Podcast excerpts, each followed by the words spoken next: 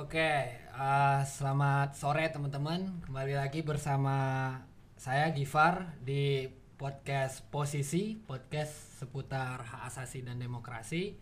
Kali ini kita udah bersama Ayu nih, Ayu Eza Tiara, pengacara publik Ekosop ya, yang nanganin kasus perburuan juga di LBH Jakarta. Uh, kita mau ngomongin teman-teman soal pidana perburuan, khususnya sekarang nih jenis-jenisnya. Mungkin uh, langsung aja ya kita uh, nanya ke Ayu atau Ayu perlu ini dulu cerita dulu biar biar apa namanya? Gue mungkin kenalin diri dulu kali ya, biar yang famous Farah. Oke. Mungkin karena semua orang nggak tahu gue nih. Kalau lo kan sering nih nongol di Instagram, nongol di YouTube, sedangkan kalau Yaudah, gue yaudah, enggak. kenalin diri. Halo Sobat Keadilan, perkenalkan saya Ayu Eza, salah satu pengacara publik LBH Jakarta yang usianya cukup muda di sini. Salam kenal. Usia lu berapa emang? Rahasia. 17. Oke. ya udah Ayu. Nah, kita ngomongin jenis-jenis uh, tindak pidana perburuan. Hmm. Mungkin kalau ngomongin jenis-jenis itu dia uh, harus dijelasin dulu ya.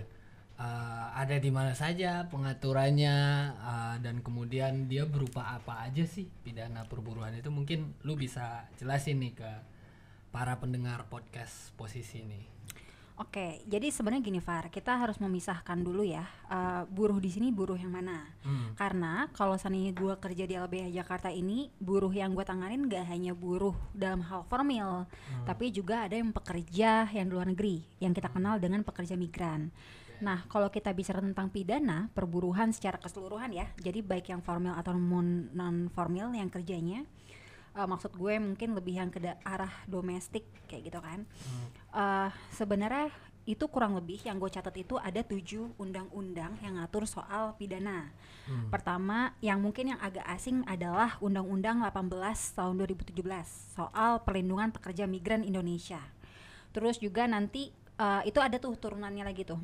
ada Undang-Undang 21 tahun 2000, eh, 2000 soal serikat pekerja, ada Undang-Undang 13 tahun 2003 soal Undang-Undang Ketenagakerjaan, ada Undang-Undang 7 tahun 1981 soal wajib lapor ketenagakerjaan, eh, Undang-Undang 1 tahun 1970 soal keselamatan kerja, Undang-Undang 24 tahun 2011 tentang Badan Penyelenggara Jaminan Sosial, ada Undang-Undang 2 tahun 2004 soal PPHI.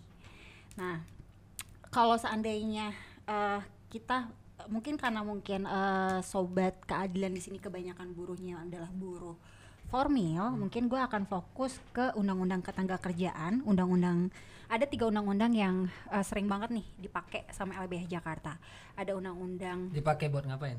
dipakai buat main-main. Oke, eh, dipakai untuk advokasi Oke. dipakai eh, Undang-Undang 13 tahun 2003 soal ketenagakerjaan, Undang-Undang soal PPHI, penyelesaian hubungan industrial sama Undang-Undang eh, 21 tahun 2000 eh, 2000 soal serikat pekerja. Sama nih ada undang-undang baru lagi nih yang tiba-tiba nongol yang padahal nggak pernah diharap-harapkan apa? Omnibus. Apa tuh omnibus? Ah. Wah. Udah lu jelasin undang-undang apa? Undang-undang Cipta Kerja yang tidak menciptakan lapangan kerja. Gitulah. Jadi ada semacam ada undang-undang yang menurut sebagian buruh mayoritas Hmm. uh, undang-undang ini bermasalah.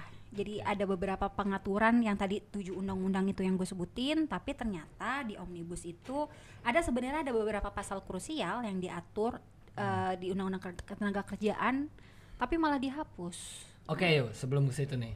Eh, jadi mungkin lu perlu jelasin dulu nih ke sobat keadilan semua. Eh, Perbuatan-perbuatan apa saja sih yang udah masuk ke kategori eh, pidana perburuhan dan jenisnya apa gitu? Oke. Karena kan sering kali juga kita dengar ah itu mah sengketanya lu selesaiin dulu aja di pengawas atau kemudian lu selesaiin dulu melalui gugat kan? Kadang-kadang kan alasannya gitu tuh dari eh, apa namanya curhat-curhat sobat-sobat buruh ya sobat-sobat keadilan atau kemudian kita dengar juga alasan apa namanya sulitnya eh, ngelapor ya katanya di kepolisian begitu jadi mungkin perlu di diurain dulu tuh hal yang tadi gitu aja? Gue sambil baca ya karena gue nggak hafal nih. Jadi kurang lebih ada 9 tindak pidana perburuhan. Ini di luar kita belum ngebahas soal omnibus ya. Iya, oke. Eh, jadi kurang lebih ada 9 pidana perburuhan. Kategorinya misalkan kayak pembayaran upah di bawah upah minimum. Terus yang kedua upah lembur yang tidak dibayar. Hak pensiun yang tidak dibayarkan. Terus pemberangusan serikat pekerja, union busting. Pengusaha mempekerjakan pekerja anak. Terus tindak pidana terkait pemutusan hubungan kerja. Eh, yang ketujuh adalah pengusaha tidak membayar iuran BPJS, tindak pidana kecelakaan kerja soal K3 dan yang terakhir adalah pelanggaran kewajiban melapor, mendirikan, menjalankan kembali dan memindahkan perusahaan. Jadi kurang lebih ada sembilan eh, kategori pidana eh, ketenaga kerjaan yang sering datang ke LBH Jakarta. Kayak gitu. Nah itu diatur di tujuh ya undang-undang tadi itu yang lu sampein di awal ya. Nah mungkin perlu dijelasin du- dulu juga yuk eh, sembilan eh, jenis apa namanya pelanggaran tadi atau pidana tadi itu yang kategorinya dia kalau kita tahu kan sanksi pidana itu bahkan lu bisa melanggar itu pengusahanya bisa dipenjara kan gitu. Yep. Nah, tapi kemudian eh, seberapa sering sih hal ini terjadi dan kemudian ada nggak sih eh, misalnya yang eh, LBH Jakarta denger gitu ya Mm. eh, kasus diterima terus kemudian pengusahanya bisa dipidana dan seterusnya. Oke, pengalaman eh, gua sepanjang bekerja di LBH Jakarta untuk isu perburuhan, eh, kasus yang paling sering gua tangani adalah soal upah di bawah standar. Iya. Eh, upah di bawah standar tuh banyak banget, Far. Jadi Di Jabodetabek ini banyak. banyak, banyak banget yang datang. Baik itu yang berserikat sama yang tidak berserikat. Kalau yang agak eh, yang berserikat lebih agak enak nih, tapi yang enggak yang enggak berserikat itu pasti akan sulit karena kita harus mendampingin langsung. Nah, soal itu sih yang paling umum soal eh, upah di bawah minimum. Nah, bagi sebagian aparat penegak hukum, kalau kita bicara tentang upah di bawah minimum itu masalah keperdataan, masalah PHI. Nah, ya. Ya, oke. jadi- tapi dia pidana. Pidana. Ah. Bisa cek di Undang-Undang 13 tahun 2003. Itu kan perdata, perdata PHI. Pokoknya segala sesuatu yang ada sanksi pidana, maka itu harusnya eh, wajib diproses di Oke. pidana. Karena ini beda nih Far, karena kan orang menganggap pidana itu kan ultimum remedium. Nah, beda di Undang-Undang Ketenagakerjaan ini, Ultimum remedium nih apa nih? Ultimum remedium adalah upaya pidana adalah upaya yang terakhir. Oke, terakhir. Jadi kita tempuh dulu upaya lain ya. Ya. Kalau misalnya dalam konteks perburuhan, General, kalau kita seandainya administratif dulu. enggak, Ah, Kalau gimana? pidana perburuhan ini agak khusus. Dia primum remedium. Oh, yang itu pertama yang ya. utama Ah. gitu karena memang eh, apa namanya? pidana perburuan ini adalah undang-undang yang sangat khusus, beda sama undang-undang lainnya. Iya, Kayak iya. gitu. Ya, ya di di kuliah gue juga pernah dengar bahwa di hukum perburuhan itu kan sifatnya negara aktif ya melindungi. Nah itu Ya. juga mungkin ya alasan jadi pidana perburuan jadi primum. Ini primum remedium. Nih gue masuk ke hal yang menggantung tadi yuk. Mm. Nah eh, upah lembu apa namanya eh, upah di bawah minimum ini ke- jika dilanggar kan pidana. Yap. Masih ada nggak nih di di undang-undang Ciptaker yang baru disahin atau yang lain yang udah nggak ada? Oke, eh, kalau kita, gue kalau di undang-undang ketenaga, eh, sorry, undang-undang apa tadi, undang-undang cipta kerja yang tidak menghasilkan pekerja itu ya. gue fokusnya di undang-undang 13 tahun 2003 ya, karena kan tadi undang-undang yang gue sebutin ada tujuh nih.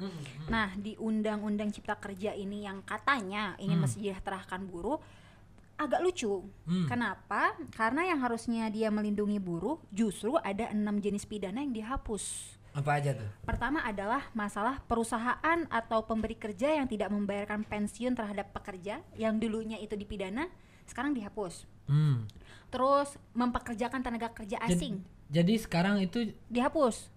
Jadi dianggapnya tetap kayak boleh. tet- tetap tetap ini ya maksudnya lu tetap bisa minta hak pensiun lu tapi lewat jalur tadi. Yang lain, Oke. yang eh, pengawas ataupun eh, pengadilan hubungan industrial, Sementara nanti pelaku pelanggarannya, pengusahanya nggak dipidana. ngelakuin terus dong. Iya. Oke, terus lanjut Nah. yang lain. Terus ada mempekerjakan tenaga kerja asing. Kalau Hmm. dulu tuh nggak boleh, Far. Harus ada syarat dan ketentuan berlaku nih. Boleh tapi sulit gitu sulit ya. Ah. gitu kan itu dua ketiga adalah hak eh, soal hak PHK yang tidak dibayar Oke. Itu yang ketiga ya. Terus yang keempat menempatkan tenaga kerja eh, menempatkan tenaga eh, kerja swasta eh, penempatan tenaga kerja swasta yang ilegal. Oke. Jadi tadinya tuh yuk PHK itu kalau nggak dibayar-bayar nih sama pengusahanya, lu PHK orang. Habis lu PHK misalnya nih orang udah nggak ada kerja lah. Mm-mm.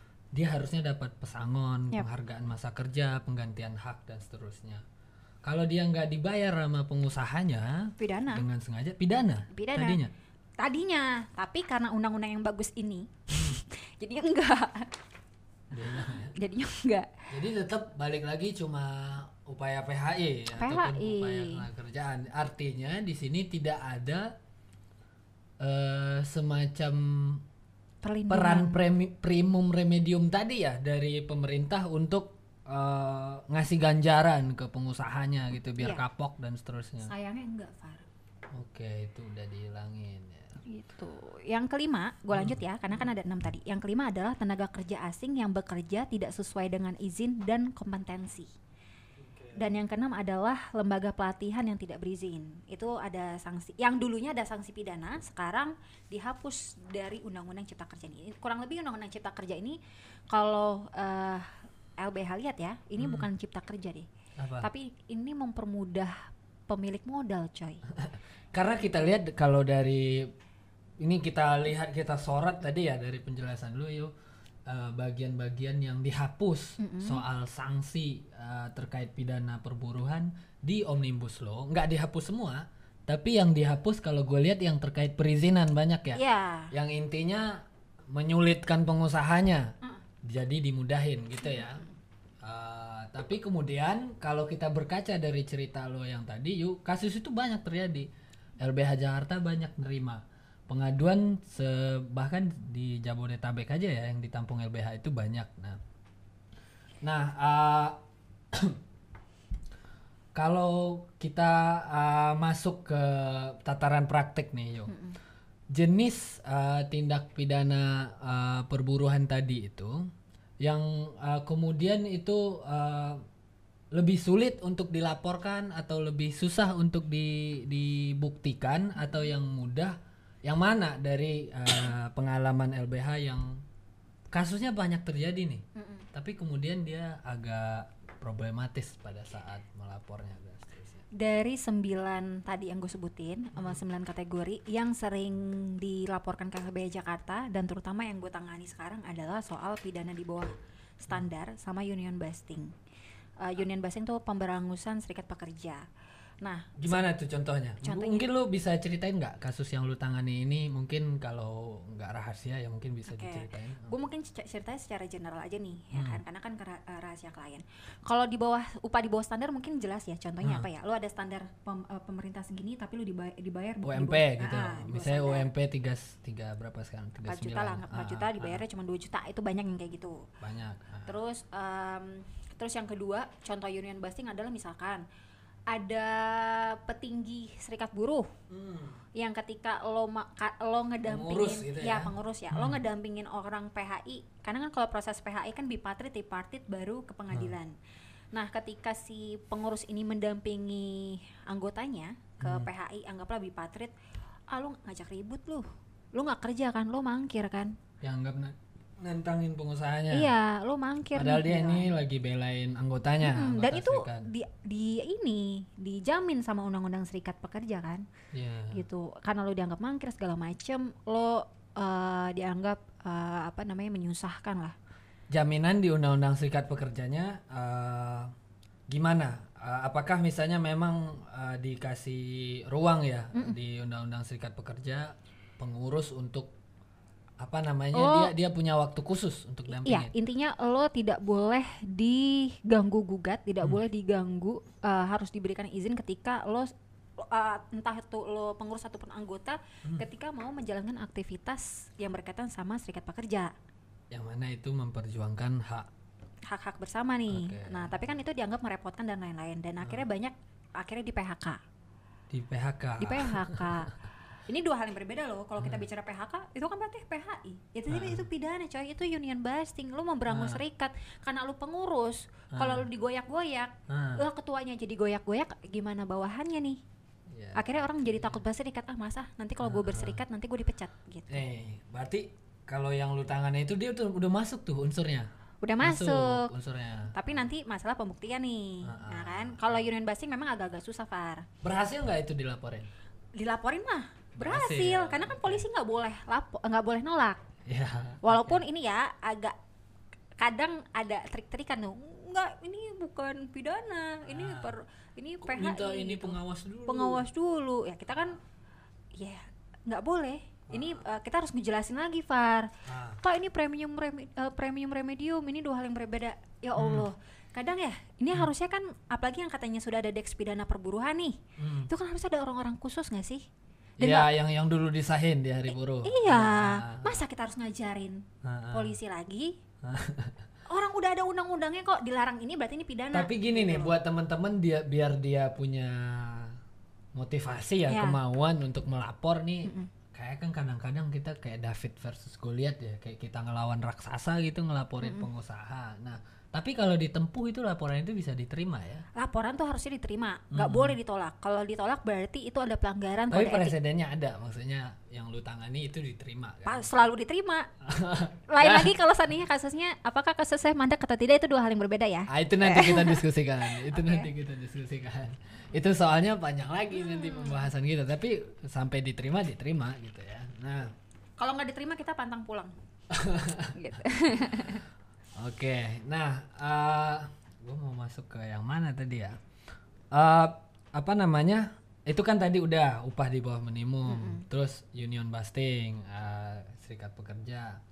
Nah, kalau misalnya yang apa namanya upah harusnya dibayar kalau lu PHK orang, terus kemudian lu nggak bayar, itu kan pidana sebelumnya. Mm-mm. Eh, apa namanya itu ada unsur pidananya.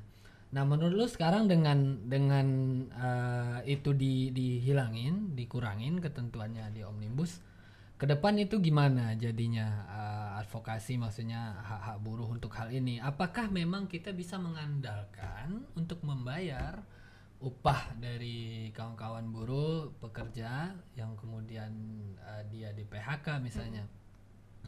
bisa itu lewat bipartit, uh, tripartit ataupun mekanisme PPHI saja. Karena kan artinya perlindungan pidana untuk uh, supaya ada efek jerak ke pengusahanya kan udah hilang nih sekarang. Itu gimana LBH membacanya ke depan? Eh, gue ada contoh kasus nih Far. Orang selalu beranggapan oh kalau kayak gini kita tempuh saja PHI ya kalau PHI kan berarti kan eh, gampang ya bipartit tripartit Hmm. terus baru PHI tapi nyatanya sebenarnya PHI itu gue kurang setuju ya. Hmm. karena kan PHI kan dia sifatnya inkrah nih. Nggak bisa nggak bisa kasasi coy. Ah, ah. eh nggak bisa PK sorry Ah, nggak bisa iya. PK gitu Ah, kan. nah yang dulu dulu itu kan Jadi upaya hukumnya hanya upaya hukum biasa, gitu Biasa, ya. Kita pe- ke ke pengadilan, terus Pengadilan. langsung kasasi, udah beres Nah, gitu ya. dan eh, apa namanya dan celakanya kita tidak bisa PK nih Iya. Nah, nyatanya dulu kita beranggapan bahwa ketika tidak bisa PK ini berarti mempermudah buruh nih. Hmm. Ya kan? Karena kan eh, kenapa sih dulu buruh menolak untuk PK, Far? Karena Hmm. kan dianggap PK itu kan menghambat proses eksekusi. Mm-mm. Nah, tapi kalau sani- sekarang ini ada uniknya gini, ada satu kasus kasus gua. Eh, gue tidak akan sebut siapa Hmm, kliennya. ya, ya, ini, ininya aja. Karena tidak PK, Hmm. yang mana sebenarnya kalau kita bedah putusannya bermasalah. Oke. Udah, udah. Udah final aja. gitu. final ah. padahal jelas ini adalah korban PHK sewenang-wenang ah. jadi ada uh, orang dibilangnya uh, dia di PHK karena habis kontrak Hmm. tapi dia dikontrak bertahun-tahun coy kontraknya lebih dari lima kali Itu menge- menyalahi pasal 65 ya ya Mm-mm. di Undang-Undang Tenaga ya Kerjaan kan ya. kita proses uh, PHI Mm-mm. karena pidananya juga mental kan dalam artian nggak berjalan kita proses PHI di PHI di tingkat uh, pertama dibilangnya kurang pihak Hmm. padahal pihaknya udah lengkap Hmm. eh terus kita kan langsung kasasi nih Hmm. ya kan pas di kasasi bilang enggak bahagia nih ya enggak pihaknya sudah lengkap Hmm. tapi nih orang eh, sah PHK-nya karena eh, habis kontrak lah gimana ceritanya lu dikontrak lima kali berturut-turut mana Ya, sih ya. itu kan kekhilafan hakim Ya, oke. Nah, ya. Ya, ya, ya, gue nangkep yuk. Nah, itu kan ada ada diskusi lagi sebenarnya soal eh, apa namanya eh, ketentuan pembatasan kontrak dan outsourcing, Mm-mm. which is di Undang-Undang Cipta Kerja itu jadi lebih longgar lagi kan, Iya. nggak nggak dipersempit. Nah oke, nah artinya eh, pidana perburuhan yang harusnya tadinya bisa Melindungi buruh. bisa melindungi buruh dan bisa dimaksimalkan untuk eh, salah satu jalur inilah ya upaya hukum yang dapat ditempuh buruh supaya bisa minta perlindungan negara agar si pelaku si pengusaha bisa disanksi Yap. itu semakin berkurang sekarang setuju nggak lo dengan pendapat Iya lo? dong, yang dulu ada yang dulu ada undang-undangnya aja kita setengah mati loh menjalankan undang-undang. Nah sekarang yang nggak ada undang-undangnya kita mau ngejalanin apa? Oke, tapi gue sebelum kita semakin berpesimisme nih, berputus asa dengan tapi yang dihapus nggak semua kan? Nggak Se- semua, masih ada. Masih ada. Tapi- Beberapa tadi dari sembilan itu masih Iya ada. masih ya? ada, tapi yang dihapus 6 Nah ini bagi sobat keadilan mesti cek nih undang-undang, jangan sampai oh iya, iya, lapor gitu kan sorry bos undang-undangnya dihapus nah kan undang-undang cipta kerja itu banyak banget ribuan jadi harus kita teliti Dan dan kalau gue lihat sih tadi yang terkait perizinan pengusaha, yang terkait eh, apa namanya upah eh, dari PH apa PHK nggak dibayar, Bayar. terus kemudian eh, pensiun ya. ya soal TKA tenaga kerja TKA, asing Oke. Tapi kemudian yang yang sembilan lu sebutin tadi misalnya mempekerjakan anak, upah di Tetap. bawah UNP dan beberapa yang lain tadi itu masih ada ya. Masih ada. Ah. Oke, nah eh, apa namanya kalau contoh-contoh yang lain nih yuk biar Hmm. teman-teman eh, bisa membedakan nih mana eh, yang pidana perburuhan yang sudah masuk eh, kategori apa. Kalau misalnya mempekerjakan anak tadi itu, Mm-mm. itu masih ada nggak kalau kita terima aduannya? masih Masih. masih Masih ya? tapi nggak banyak ya Nggak banyak Keba- ya? kebanyakan kalau tenaga kerja anak itu lebih sektor pabrik Ah, ah. atau nanti dia masuknya ke PPMI perlindungan pekerja migran Hmm. karena kan nanti kalau PPMI ini turunannya lagi nih Far Jadi buat buruh migran yang akan dipekerjakan di luar itu Mm-hmm. lewat eh, apa namanya penyalur ilegal ini banyak yang anak juga. bahkan yang legal aja tuh ada Ada anak. Nah itu pidana ya. pidana nggak boleh Itu maksudnya tidak selesai dengan hanya menyangsi eh, Perusahaan. perusahaannya. Far ini kalau kita bicara tentang peker- eh, tenaga kerja ini lingkaran setan. Mm-mm. jadi nggak bisa cuma administratif doang. Ya, para ya. pihaknya itu harus dihukum. Nggak hanya perusahaannya yang di administratif ditutup orangnya harus dipenjara. Gitu loh. Karena kalau kita bicara tentang perusahaan doang nih sanksi coba deh lu cek di undang-undang perusa- eh, perseroan terbatas deh. Buat perusahaan gampang kali apalagi kalau lu ada duit. Ya, ya, ya. Jadi dia bisa bubarin terus nanti iya muncul lagi dengan Iya. nama yang berbeda. Iya. Nah kalau kita lihat tadi dari jenis eh, pidana perburuan yang lu sebutin kan yang terakhir tuh tadi yang ke sembilan kalau nggak salah itu kalau orang mengububarin ganti perusahaan dan seterusnya nggak lapor Nah. karena dia nanti ini ada utang nih sama buruh sama yang lain-lain itu pidana kan? itu pidana Nah itu pernah ada nggak kita terima atau LBH Jakarta terima kasus-kasus kayak gitu dan kemudian eh, lapor pidana iya gue agak lupa deh akhirnya Hmm. kita lapor pidana atau tidak tapi ada kejadian seperti itu bisa bisa diceritain yuk kayak gimana tuh misalnya? Eh, itu kasusnya tapi Jadi teman-teman bisa tahu nih, oh anjir itu pidana ya kalau kayak gitu misalnya. Ya, jadi kan sebenarnya eh, perusahaan kan emang pendirian perusahaan kan ada yang berjangka sama yang tidak berjangka kan. Kalau yang berjangka itu dia harus lapor tuh, tuh kan. Atau bahkan yang tidak berjangka pun ketika ditutup dia harus lapor, karena kan nanti waktu eh, masalahnya akan pidana nih, karena ada masalah hak dan kewajiban. Tapi memang agak sulit lapornya. Eh, kendalanya adalah kadang kita udah nggak tahu lagi Hmm. pihaknya siapa, Iya.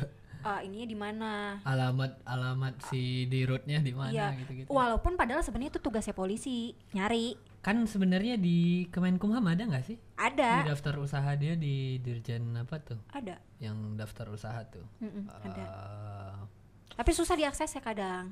Ya ada yang harus bayar juga kan Iya. untuk mengakses itu. Tapi harusnya itu menjadi tugasnya polisi ya Polisi. untuk membuktikan ya. Nah celakanya sih Far, Hmm. eh, sebagai kita yang sering banget eh, ini ya bercur eh, ngobrol-ngobrol sama pihak kepolisian dengan Hmm. otot, kita selalu polisi tuh sedihnya kayak gini ya udah mbak buktinya mana lah itu kan tugas lo untuk cari alat bukti gitu loh kita lapor adanya dugaan tindak pidana Ini apa yang harus dilakukan kalau kayak gitu yuk? Karena gini, gue beberapa kali emang terima konsultasi misalnya. Ada bapak-bapak nih, dia buruh di kapal gitulah, ya buruh kapal pancing gitu-gitu. Udah kerja misalnya enam bulan apa hampir setahun dia kerja ya di laut ya. Terus tiba-tiba upahnya nggak dibayar, PHK, bosnya ngilang, perusahaannya ngilang, nggak tahu berubah wujud jadi wujud lain di tempat yang baru ngelabuhin orang baru kita nggak tahu. Tapi ya itu bener-bener sulit. Dia mau ngegugat di mana?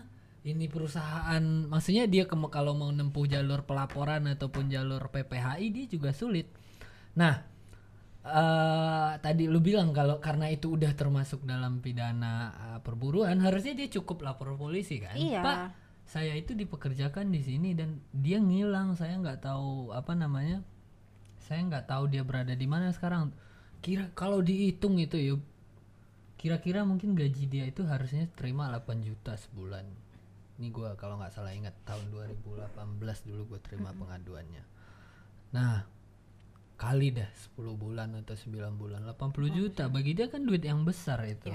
Dan itu di kan kita juga lihat akhir-akhir ini bahkan kalau di di dunia per dunia apa namanya dunia pancing memancing di ABK. laut itu ABK itu kan parah banget memang. Nah yang kayak gitu-gitu pidana ya itu sebenarnya. pidana. Bahkan kalau seandainya benar dia adalah pekerja migran Far itu itu ada pola-polanya sendiri tuh. Jangan-jangan dia eh, TPPO nah dikelabuhi dari awal ya Iya, karena- masuk unsur nipu ya dari Iya, awal ya karena kan LBH Jakarta kan bergabung nih sama jaringan buruh migran Hmm. dan jaringan buruh migran tuh ada banyak, ada beberapa lembaga dan uh, kita sering banget tuh sharing. Jadi ada awak-awak uh, awak-awak anak buah kapal itu bahkan nggak pernah baca kontrak. Jadi lu pas mau naik kapal baru suruh tanda tangan nah iya gitu. nanti pas pulang juga gituin aja Iya. misalnya atau dibuang di laut kan Ya, iya parah itu itu.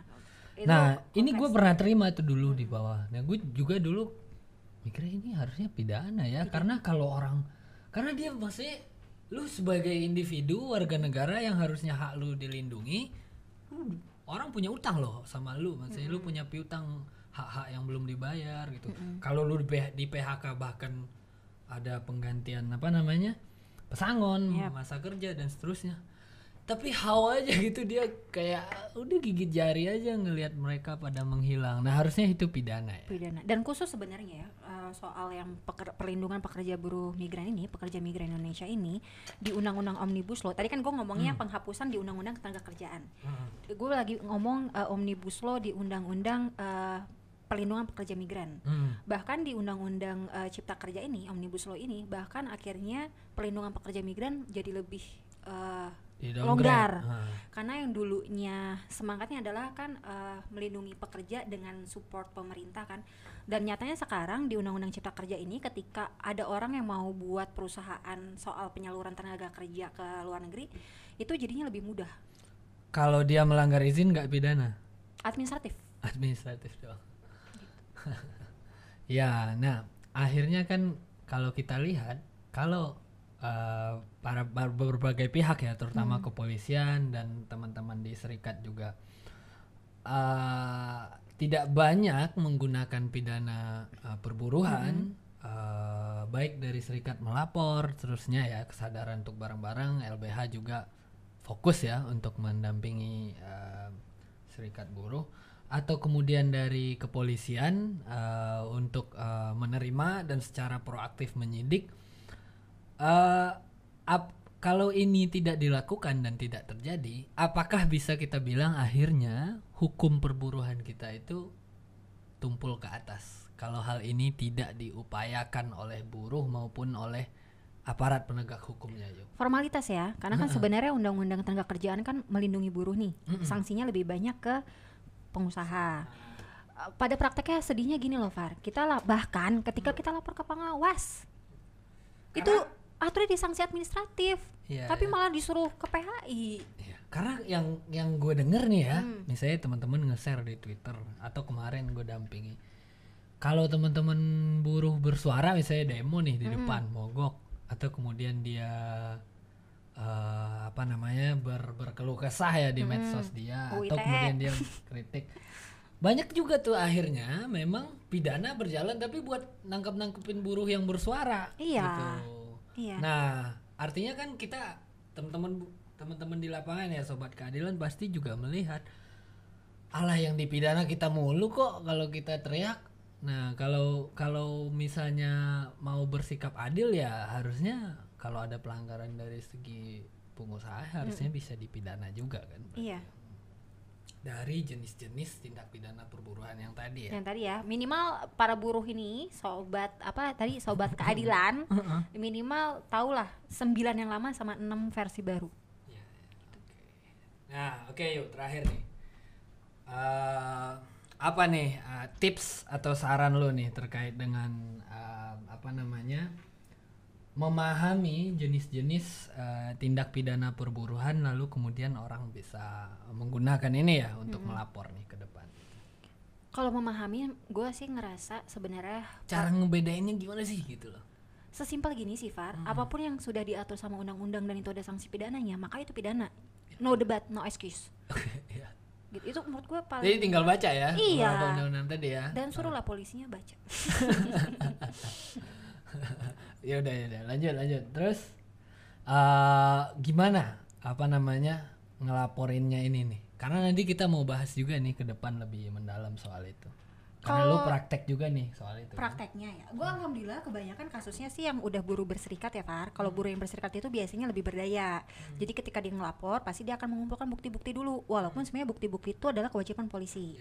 Karena you know lah polisi kita kan eh, sibuk banyak banyak kasus. Jadi mungkin kalau disuruh yo walaupun bukan kewajiban tapi inisiatif itu berdampak ini ya apa namanya eh, jadi bikin lebih gampang gitu ya. Kadang-kadang yang udah kita buktinya banyak aja lama. Gimana kalau yang nggak nyiapin sama sekali? Tapi maksud gue uh, bisa well gitu ya. prepare lah well prepare terus juga mungkin um, gue rasa lebih Jakarta terbuka deh kalau kita kayak buat semacam uh, LBH Jakarta kan saat ini benar-benar memprior memprioritaskan Deks mendampingi ini kan pidana perburuan kan. Oke. Jadi teman-teman nih sobat keadilan kalau ada ketemu nih kasus-kasus kayak tadi, lapor aja ke LBH Jakarta. kumpulkan buktinya dulu Kumpulin, gue sih. ya gimana Iya iya iya. ya, ya udahlah eh tapi sebenarnya gue menentang itu ya Heeh, heeh. gitu loh kadang-kadang tuh Tapi maksudnya kalau memang punya gitu Ya, didokumentasikan dengan didokumentasikan. baik biar nanti kita prosesnya lebih cepat gitu ya ya. Oh, dan oke. dibuat matriks Ban- eh, walaupun itu sebenarnya matriks eh, bukan kewajiban kita ya Mm-mm. biarin oh unsur-unsurnya ini udah terpenuhi Oh di di di di ini ya diklasifikasiin ya. Iya. Ini yang dilarang menurut undang-undang perbuatannya dan ini ada nih buktinya gitu Kenapa gue ngomong kayak gitu, Far? Eh, karena kadang-kadang maksud kita tuh ini, tapi karena kita nggak buat matriks, pakai pasal yang agak ya. Ah, kayak gitu. Jadi kalau kita mau sasar pasal yang ini, maka kita bedah sendiri. Oke. Baru kita karena ngasih. karena kalau enggak nanti dia jadi di downgrade ya. di downgrade. Anggaplah kan ancaman pidana yang maksudnya kita lima tahun nih. Mm-mm. Terus sama yang itu dikasihnya cuma yang setahun gitu kan? Nggak adil kan? Iya, iya, gitu. oke, oke, oke. Jadi itu ya teman-teman ya. Eh, kira-kira itu nih kita udah ngomongin nih panjang nih sekitar lebih ya setengah jam kita ngomongin soal pidana perburuan jenis-jenisnya dan yang mutakhir yang terbaru di omnibus law gimana perubahannya? Dan juga Ayu tadi ngomongin juga banyak contoh-contoh dan praktik-praktik ya. Eh, LBH menangani kasus-kasus pidana perburuan dan LBH saat ini juga memfokuskan ya untuk menangani kasus-kasus pidana perburuan teman-teman semua pendengar sobat keadilan yang menemukan kasus-kasus demikian silahkan datang melapor ke Silakan LBH. datang. Eh, tapi gini ya, kalau LBH Jakarta, kita prinsipnya adalah bantuan hukum struktural loh, Far. Hmm, Ya kan? Selagi memang ada kawan-kawan buruh, kita jalan bersama. Iya, iya, bu- bukan kayak Datang nitipin gitu. gitu, ya. Enggak, kita ya, jalan bersama. kolaborasi gitu ya. Oke, mungkin itu ya teman-teman. Terima kasih. Ah, tunggu ya di podcast posisi selanjutnya. Kita ngomongin lebih lanjut ah, apa namanya seputar pinda- ah, tindak pidana perburuhan. Oke, makasih Ayu. Sama-sama, Udah Gifar.